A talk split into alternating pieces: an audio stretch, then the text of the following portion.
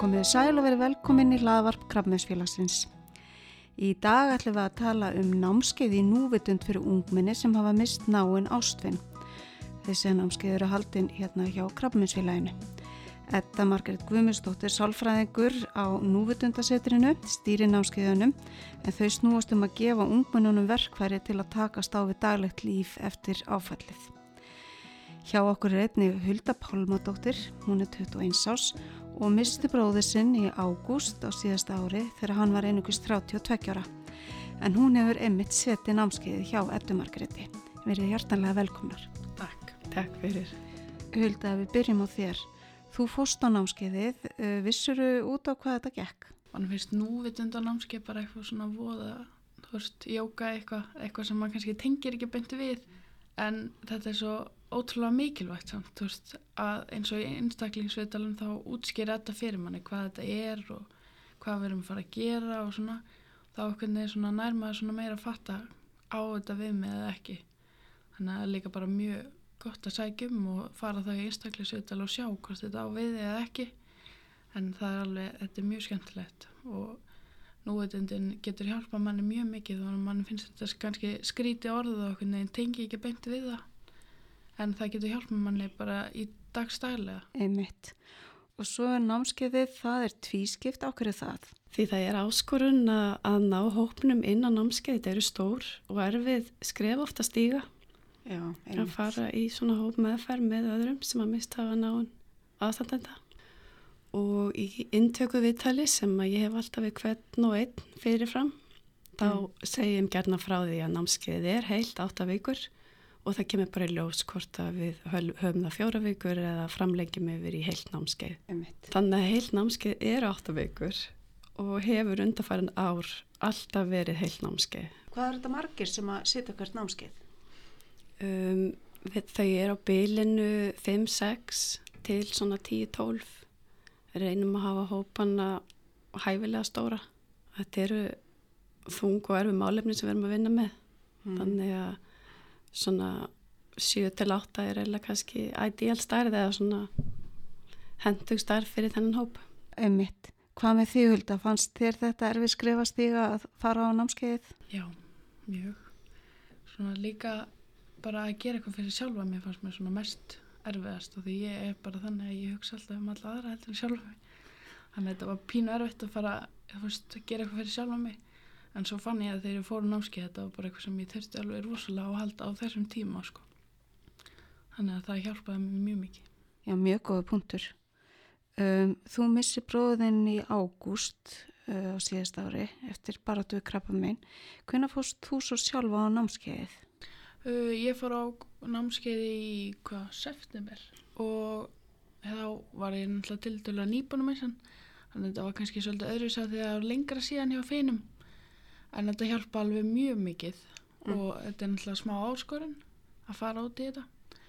En svo þegar maður er búin að vera á því eins og þetta er þetta er fjóru aukur en þú ert búin að vera fjóru aukur þá langar þér ekkert að hætta. Og vilt helst bara halda áfram sko.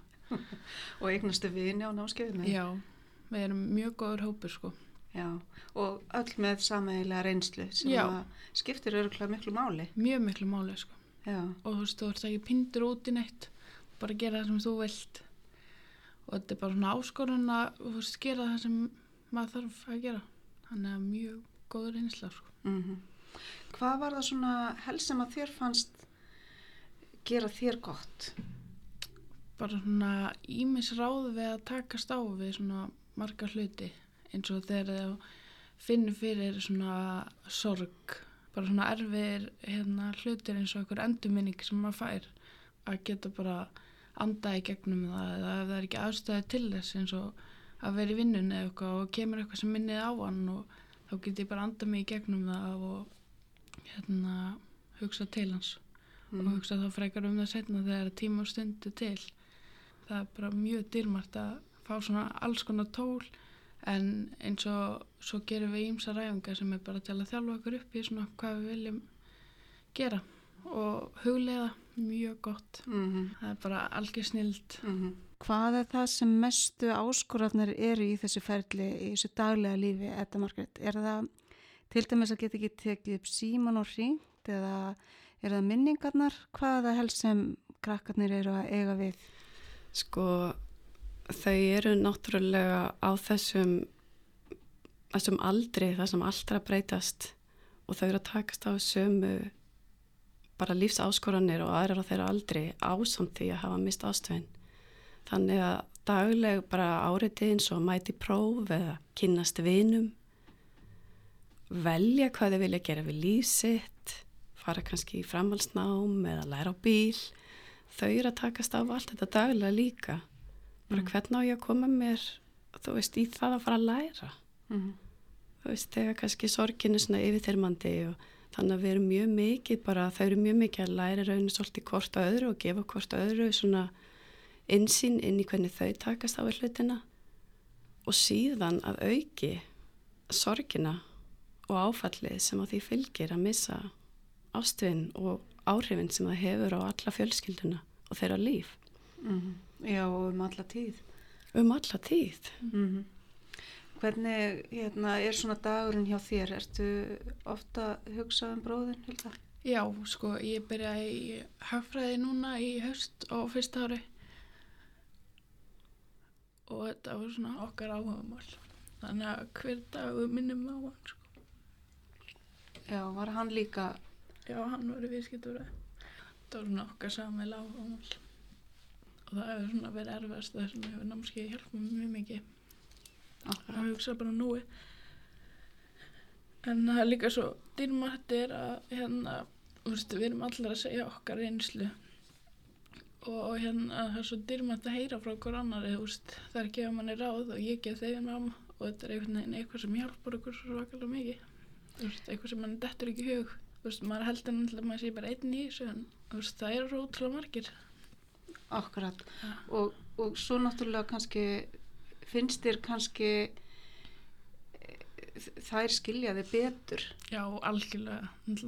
Við vorum allar svona svipuðum aldrei og ekki endilega það skipti máli en það var svona dýrmært að hérna, það er svona skilja ef við skildum hver aðra og þar gæti ekki mér ráð og ég þeim og við svona tölum um það á námskeiðinu sérstaklega og maður gerir heimaverkefni sem er mjög mikilvægt en það gleymist mjög oft að gera það. Nú er þetta hörku vinna hjá þér þetta. en maður á sagt að huglega einu svona dag og það gleymur stundum. En svo þegar maður gera það og ég var eina sem var svona helst huglegast við að gera heima enna Já. en það hérna hjálpaði mjög mikið og maður er bara ekki nógu duglegur að halda þessu áfram. Maður gerir þetta með námskeiðir svo gleymist þetta en það er mjög dýrmætt að munna eftir þessu Já, það er náttúrulega sko kannski tryggið einmitt að, að halda þessu, komið þessu inn í rútinu Já. hjá sér. algjörlega, maður er alltaf svo upptíkin og það er líka núvitindi kennir manni svo að þú veist, veri ekki svona upptíkin af deginum sko eða bara hvað það vorst að gera og hugsa frekar um núið Já. Af hverju, af hverju er maður svona? Ég segi þetta sama, ég tek svona tímabil og svo bara gleymi ég mér og, og hvað er það, hvernig er þetta, hvernig getum við komið þessu betur inn hjá okkur? Ég held við séum bara verur vanans. Við Já. gerum það sem við erum vöna að gera og það er erfitt að læra nýja færni og tilenga sér nýja hluti og við notum þessa myndlíkingu að það er erfitt að kenna gömlum hundi að sitja og maður er í rauninni svolítið að reyna að gera það. Og, en mér finnst þau einmitt segja mjög mikið sko að það að læra bara að taka einn dag í einu Mhm. að það sé svo dýrmætt, bara einn dagur í einu niður í eitt andatak í einu. Og eins og Hulda kom inn á sko að það er erfitt ofta að viðhalda nýri færni og við höfum verið að reyna að bjóða upp á eitt til tvö námsk eða þess að endur komið tíma fyrir þá sem eru búnir Mhm. á námskjönum til þess að leifa þeim svona endur tengjast þessum aðferðum aftur. Og maður finnur að það er mikil þörf fyrir það og þeim finnst þetta augljóslega að vera að hjálpa og ég væri náttúrulega til í að vera bara með þau hverju viku sko. já, einmitt. og bara mikil heiður að fá að fylgja þeim í gegnum þetta ferðalag. Já, það sem að þau hafa verið að deila með hvort öðru í tímanum. Það gerir þessa, þessi, þetta námskeið einstakt í mínum huga. Það er svo mikil kærleikur og mikil hjarta sem að skapast í hópunum. Og þau eru náttúrulega að segja bara frá erfiðasta sem að þau hafa gengið í gegnum í lífinu mm og líklega fátt sem móta mann jafn mikið og að missa eitthvað svona nákomin og hefur jafn langvarandi áhrif. En held að þú talar um að huglislan hafi komið í gegnum þetta með stöningu líka frá krökkunum á námskeiðinu. Hvað er það mörg sem haldið þenn hópi? Um, við erum reyndar ekki hýst eftir en við erum alveg svona spillum selpunar. Við erum alveg þrjár held ég. En svo líka er þetta bara svo mikilvægt að gera eitthvað fyrir sjálfan sig. Maður er ekki að hugsa beint um það á þessum tíma. Maður er meira eins og ég, ég hugsa alltaf um alla aðra. En það er svo rosalega dýrmætt að gera eitthvað fyrir sjálfan sig og hugsa um sig. Já, já, akkurat. Og svo náttúrulega kannski hlutir sem að þú getur rætt við þessar vinkonur þínar sem að þú vilt kannski ekki íþingja fóröldriðinu með sem eru líka gangið gegnum sorgina. Akkurat, svona líka bara að tala um eitthvað sem svipum aldrei að þú og hefur svipa lífsreynslu veist, er að gangi ekki um að sama og getur ekki gefið er áð, skilur mm. það, það er kannski vinimann sem að hafa ekki mist já kannski, þeir kannski segja sömur hlutina en þegar eitthvað sem við lendið í sama mm -hmm segir þá þá kannski hafa þeir meiri þýðingu eða hvað? Já, algjörlega. Mér finnst það allavega. Já, og það er einmitt eitthvað sem margir segja er finni í jafningastöningi. Þú ert með stunisfulltrúa í stunisneti krafmjölsfélagsins og krafts. Hvað lands en að þú fóst í það? Það er alveg eitt ár síðan ég fór í það og hitti sér satt stelpu sem var í sömu aðstöðu ég mm. og átti sér satt, ég hafði mistist sína og það var reyndar áðurna bráðmynd á en hún gaf mér alveg mjög þetta ráð sem að hjálpaði mig mikið á þessum tíma þannig að ég er mjög þakklátt fyrir það og ég hitt hann hann það í dag sko. Já, ok, þannig að þú ert komið núna með svona smá neti kringu þig Já Bæði stuðninsfjöldran og svo vinkonunar úr ópnum og svona alltaf þetta mm -hmm. Á námskeiðunum þá er þið náttúrulega að gera huglesluna og alls eins æfingar mm. Er mikið verið að tala um missin, um sorgina? Nei, það er nefnilega alls ekki þannig. Við gerum það á ákveðnum tíma þegar við erum komin svolítið búin að mynda tröst í hóknum. En þetta er ekkert svona yfirþyrmandi í hverjum tíma við séum bara að tala um missin. Við erum bara að gera æfingar og æfingar sem förum yfir tilfinningar og hugsanir, hvernig við getum stjórnaðum. Þannig við erum meira svona að gera æfingar og það er mikið leigið og það er mjög gaman í þessu sko. Það er alltaf gaman að fara, maður byrjir spenntur eftir að fara á hvert námskeið sko. Já, er, er það ekki reyndin þetta, þessar tilfinningarnar okkar eru annars vegar þá er stuttamilli hláturs og gráturs? Jú, bá, mm -hmm. jú, veistu það, það er bara þannig. Við höfum svo sannarlega fengið að kynast því í tímanum og vissulega höfum við líka gaman. Þetta snýst ekki bara um að opna sorgina og, og við erum að tala um það sem að þau eru að ganga um að ganga í gegnum í sín daglega lífi og mér langar líka að koma því á framfæri ef einhver er að hlusta nóti sem hefur áhuga en finnst þessi skref erfið að þá er, er ég alltaf með intöku viðtal áður yeah. en námskeið hefst og það er sérstaklega gert til þess að brúa þetta bil og leifa þáttaköndum að kynast mér mm.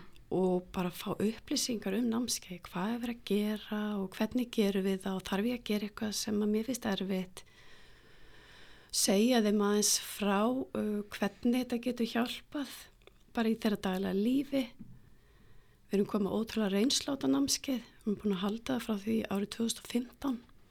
Þannig að, og ég fæ alltaf endurgjöf, nafnlausa frá þáttaköndum í lókværs námskeiðs til þess að bregðast við og aðlaga bara eftir þeirra þörfum. Þannig að við tæljum námskeið er orðið bara mjög uh, gaglegt í dag og hendut og við erum búin að taka út hluti sem að skiptu minna máli og setja inn í sem að, að skiptu þau meira máli og þannig að þetta er svona sambalanda af skinnfara æfingum hugleislu, fræðslu uh, að því að þau eru mörg að þjást af kvíð á streitu og deburð mm. þannig að við erum líka að, að fá fræðslu um það. Akkurat. þannig að þetta er mjög fjölbreytt myndi ég segja. Bara að hitta svona krakka einhvern veginn þegar maður á sem aldrei svona að fara í háskóla og hitta einhvern annan sem er svona svipið um spórum og maður sjálfur. Það er einhvern veginn svo dyrmat að þú veist upplega einhvern sem er bara og líka bara áskorunir hverstags að finna eitthvað leið sem hjálpa er að fara í gegnum eitthvað mm. Nú stundum talað um að hérna svona sorg og álag áföll eh, að þau svona taki svolítið frumkvæði frá manni meðan að maður er þar Mm -hmm. uh, hérna og fólk kannski byggja hjálp en, en hérna það er erfitt kannski að byggja um hjálpina Mhm. hefur þú upplifað það? Já. Það er mjög erfitt að byggja um hjálp en það er líka bara svo gott þá að fara svona á námskeið því að þú veist einhvern veginn ekkert endilega að byggja um hjálpina. Þú veist bara að hjálpa þér sjálfri. Já, einmitt, efla þig. Efla maður sjálf já. Já, já. Hvernig hérna, upplifir þú á námskeiðinu? Hvernig er nú þetta að standa sig? hún er standa sér mjög vel. Það er svo einstakt, hún er svo hlý. Og hvernig henni tekur bara svona utanum hann. Eitthvað sem maður þarf, svona eitthvað utanakomandi þó maður þekkir ekki neitt en þú finnur það strax þegar þú hittar henni að hún er svo hlý og góð og hvernig henni alltaf með ráð við öllu og þú veist, það er mjög gott að koma til hennar eftir tíman ef mann er með eitthvað sem maður þarf að tala um eða spyrjum hún er alltaf tilbúin að hjálpa þér hvað sem er sko Já, þetta er dásanlegt. Um, varandi, hvað fekk þig til að koma bæði í stuðnisnitið og, og námskeiðið? Námskeið. Varst það þú sjálf sem að hafðir frumkvæðið að var eitthvað sem svarða við þig? Mér fannst ég þurfa eitthvað sem að svona, ég þekkt ekki að því ég bjó á Ísafriði sem er mjög lítið svona samfélag. Og mér langaði, þú veist, það var ekki sálfræði þjónustæði búið þar. Þannig að ég taldi þorra að vera mjög góðan vitandi um, þú veist, hvað maður er að tala um. Að því maður finnst svona þegar fólk er með krabba meina það sé einhvern veginn öðru í sig heldur en svona lífsreynsla marga Og ég skýt hér inn að Þorri er sálfræðingu krafminsfélagsins og heldur utan um stuðnisnitið. og svo eftir missinni og bráðum minni þá var sagt þetta námskeið búið að auðlýsa og hann benti mér á það Hmm. sem ég er mjög þakklátt fyrir en maður finnur það líka þú veist, þegar maður fer í námskeið að þér lakkar alltaf til og þú fórnræðurinu hverju sem er fyrir námskeið sko.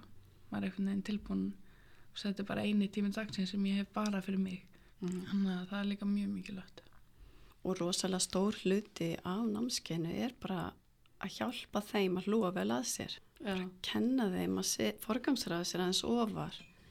Því þau eru mörg búin að vera ans upptikinn í að vera duglega eftir áfallið og vera að hjálpa öðrum og hugsa um sína ástfinni og þarna er bara stund fyrir þau það sem að þau mega vera eins og þau eru hvernig sem þeim líður. Mm. vera bara. Ég hveti alltaf til að gera heimaðun Já, það hjálpa svo- mjög mikið Já. og svo er samt svo skemmtilegt að þeir sem að gera aldrei heimavinnina Mm þau eru samt að teilinga sér svo margt Já, sem að þau eru svo þakklátt fyrir í lokin Já. að vera búin að teilinga sér Já. Eins og hvað er það? Eins og, auka vitundina já. það verðist alltaf skila sér og svo erum við mjög mikið að vinna með svona blít hugafar að geta tekið á móti erfileikum, erfiðum tilfinningum með opnu hjarta, með blíðu bjóða það velkomi með forvitni í stað þess að kannski íta því burtu og sópa því undir teppi því að þau segja það gerðna að þau séu búin að loka tilfinningarna mjög lengi og vita eiginlega ekki eða þóra eiginlega ekki að opna á þær. Mm þannig að- að geta mætt sér af hlýju og með blíðu og það, þá upplifa þau styrkin, innri styrkin kunna vera í því sem að er að eiga sér stað, hversu erfitt sem það er hann að úthaldið og, og vitundin fyrir því sem er að eiga sér stað bara verið stífka og svo ótrúlan hátt. Og, og þau eru alltaf að kenna mér svo mikið. Já, það er náttúrulega frábært. Og hvað kenna þau þér? bara ótrúlega hlýju og umhyggju og hugrekki. Já. Og veist að það sem þau er að gangi í gegnum og er að deila með, með hópnum og svona ung mér finnst það bara alveg ævindiralegt fá kynast þeim það ég, ég eins og ég segi, mér finnst það mjög mikið leiður að fá að fylgja þeim í gegnum þetta ferðalag. Já, já, Mér finnst líka mikilvægt að bakgrunnur núvitundar námskeiðina komi líka fram af hverju ég held að þetta sé svona gaglegt fyrir þennan hóp. Fyrsta námskeið það er hanna fyrir fólk með endur tekið króniska eða langvinna verki eða óleiknandi sjúkdóma til þess að hjálpa fólki að lifa með því sem er. mm. Þeim þáttum sem við getum ekki breytt. Hvernig getum við lifa með öllum þessum þáttum sem við höfum enga stjórn á og síðan þá hefur þetta svo sannlega þróast og aðlagast að ýmsum hópum eins og við erum núna að veita hjá ráðgjáð þjónustunni af því að það eru svo margið þættir sem er ekki hægt að stjórna. Akkurat. Og nú er námskeiðið að fara að stað og skráningin er hafinn. Og intöku viðtölin er að hefjast og eins og þeir að koma inn á þá er svolítið mismunandi tímapunktur þegar ungmennin vilja eða hafa einmitt þetta frumkvæði að vilja læra umganga sorgina og takast á við daglega lífi. Þess vegna eru þau að koma inn á námskeiða mjög mismandi tímapunktum. Sumur að koma mjög fljóðlega eftir andlat ástvinnar og aðrir er að byrja kannski þess að vinna nokkrum árum eftir andlati og það er allur gangur á því og þess vegna bjóðu við alla velkomna og það er engin regla hvenar þú kemur inn. Og intöku viðtali hjálpa líka til að meta hvort að þetta skref sé rauninni það gaglasta fyrir því núna eða ef að það er of kannski miklir erfileikar að þá kannski fyrst einstaklings miðuð aðferð fyrst áður en farðar á námskeiði. Akkurat. Og, og við bara hvetjum alla sem er að lusta og vita um eitthvað í þessum spórum að skrá sig á krabb.is eða hafa samband í krabbminsfili 84040 Uh, kærar þakki fyrir komuna Hulda og Edda Margrét. Takk fyrir. Og gangi ykkur vel. Takk, takk sem leiðis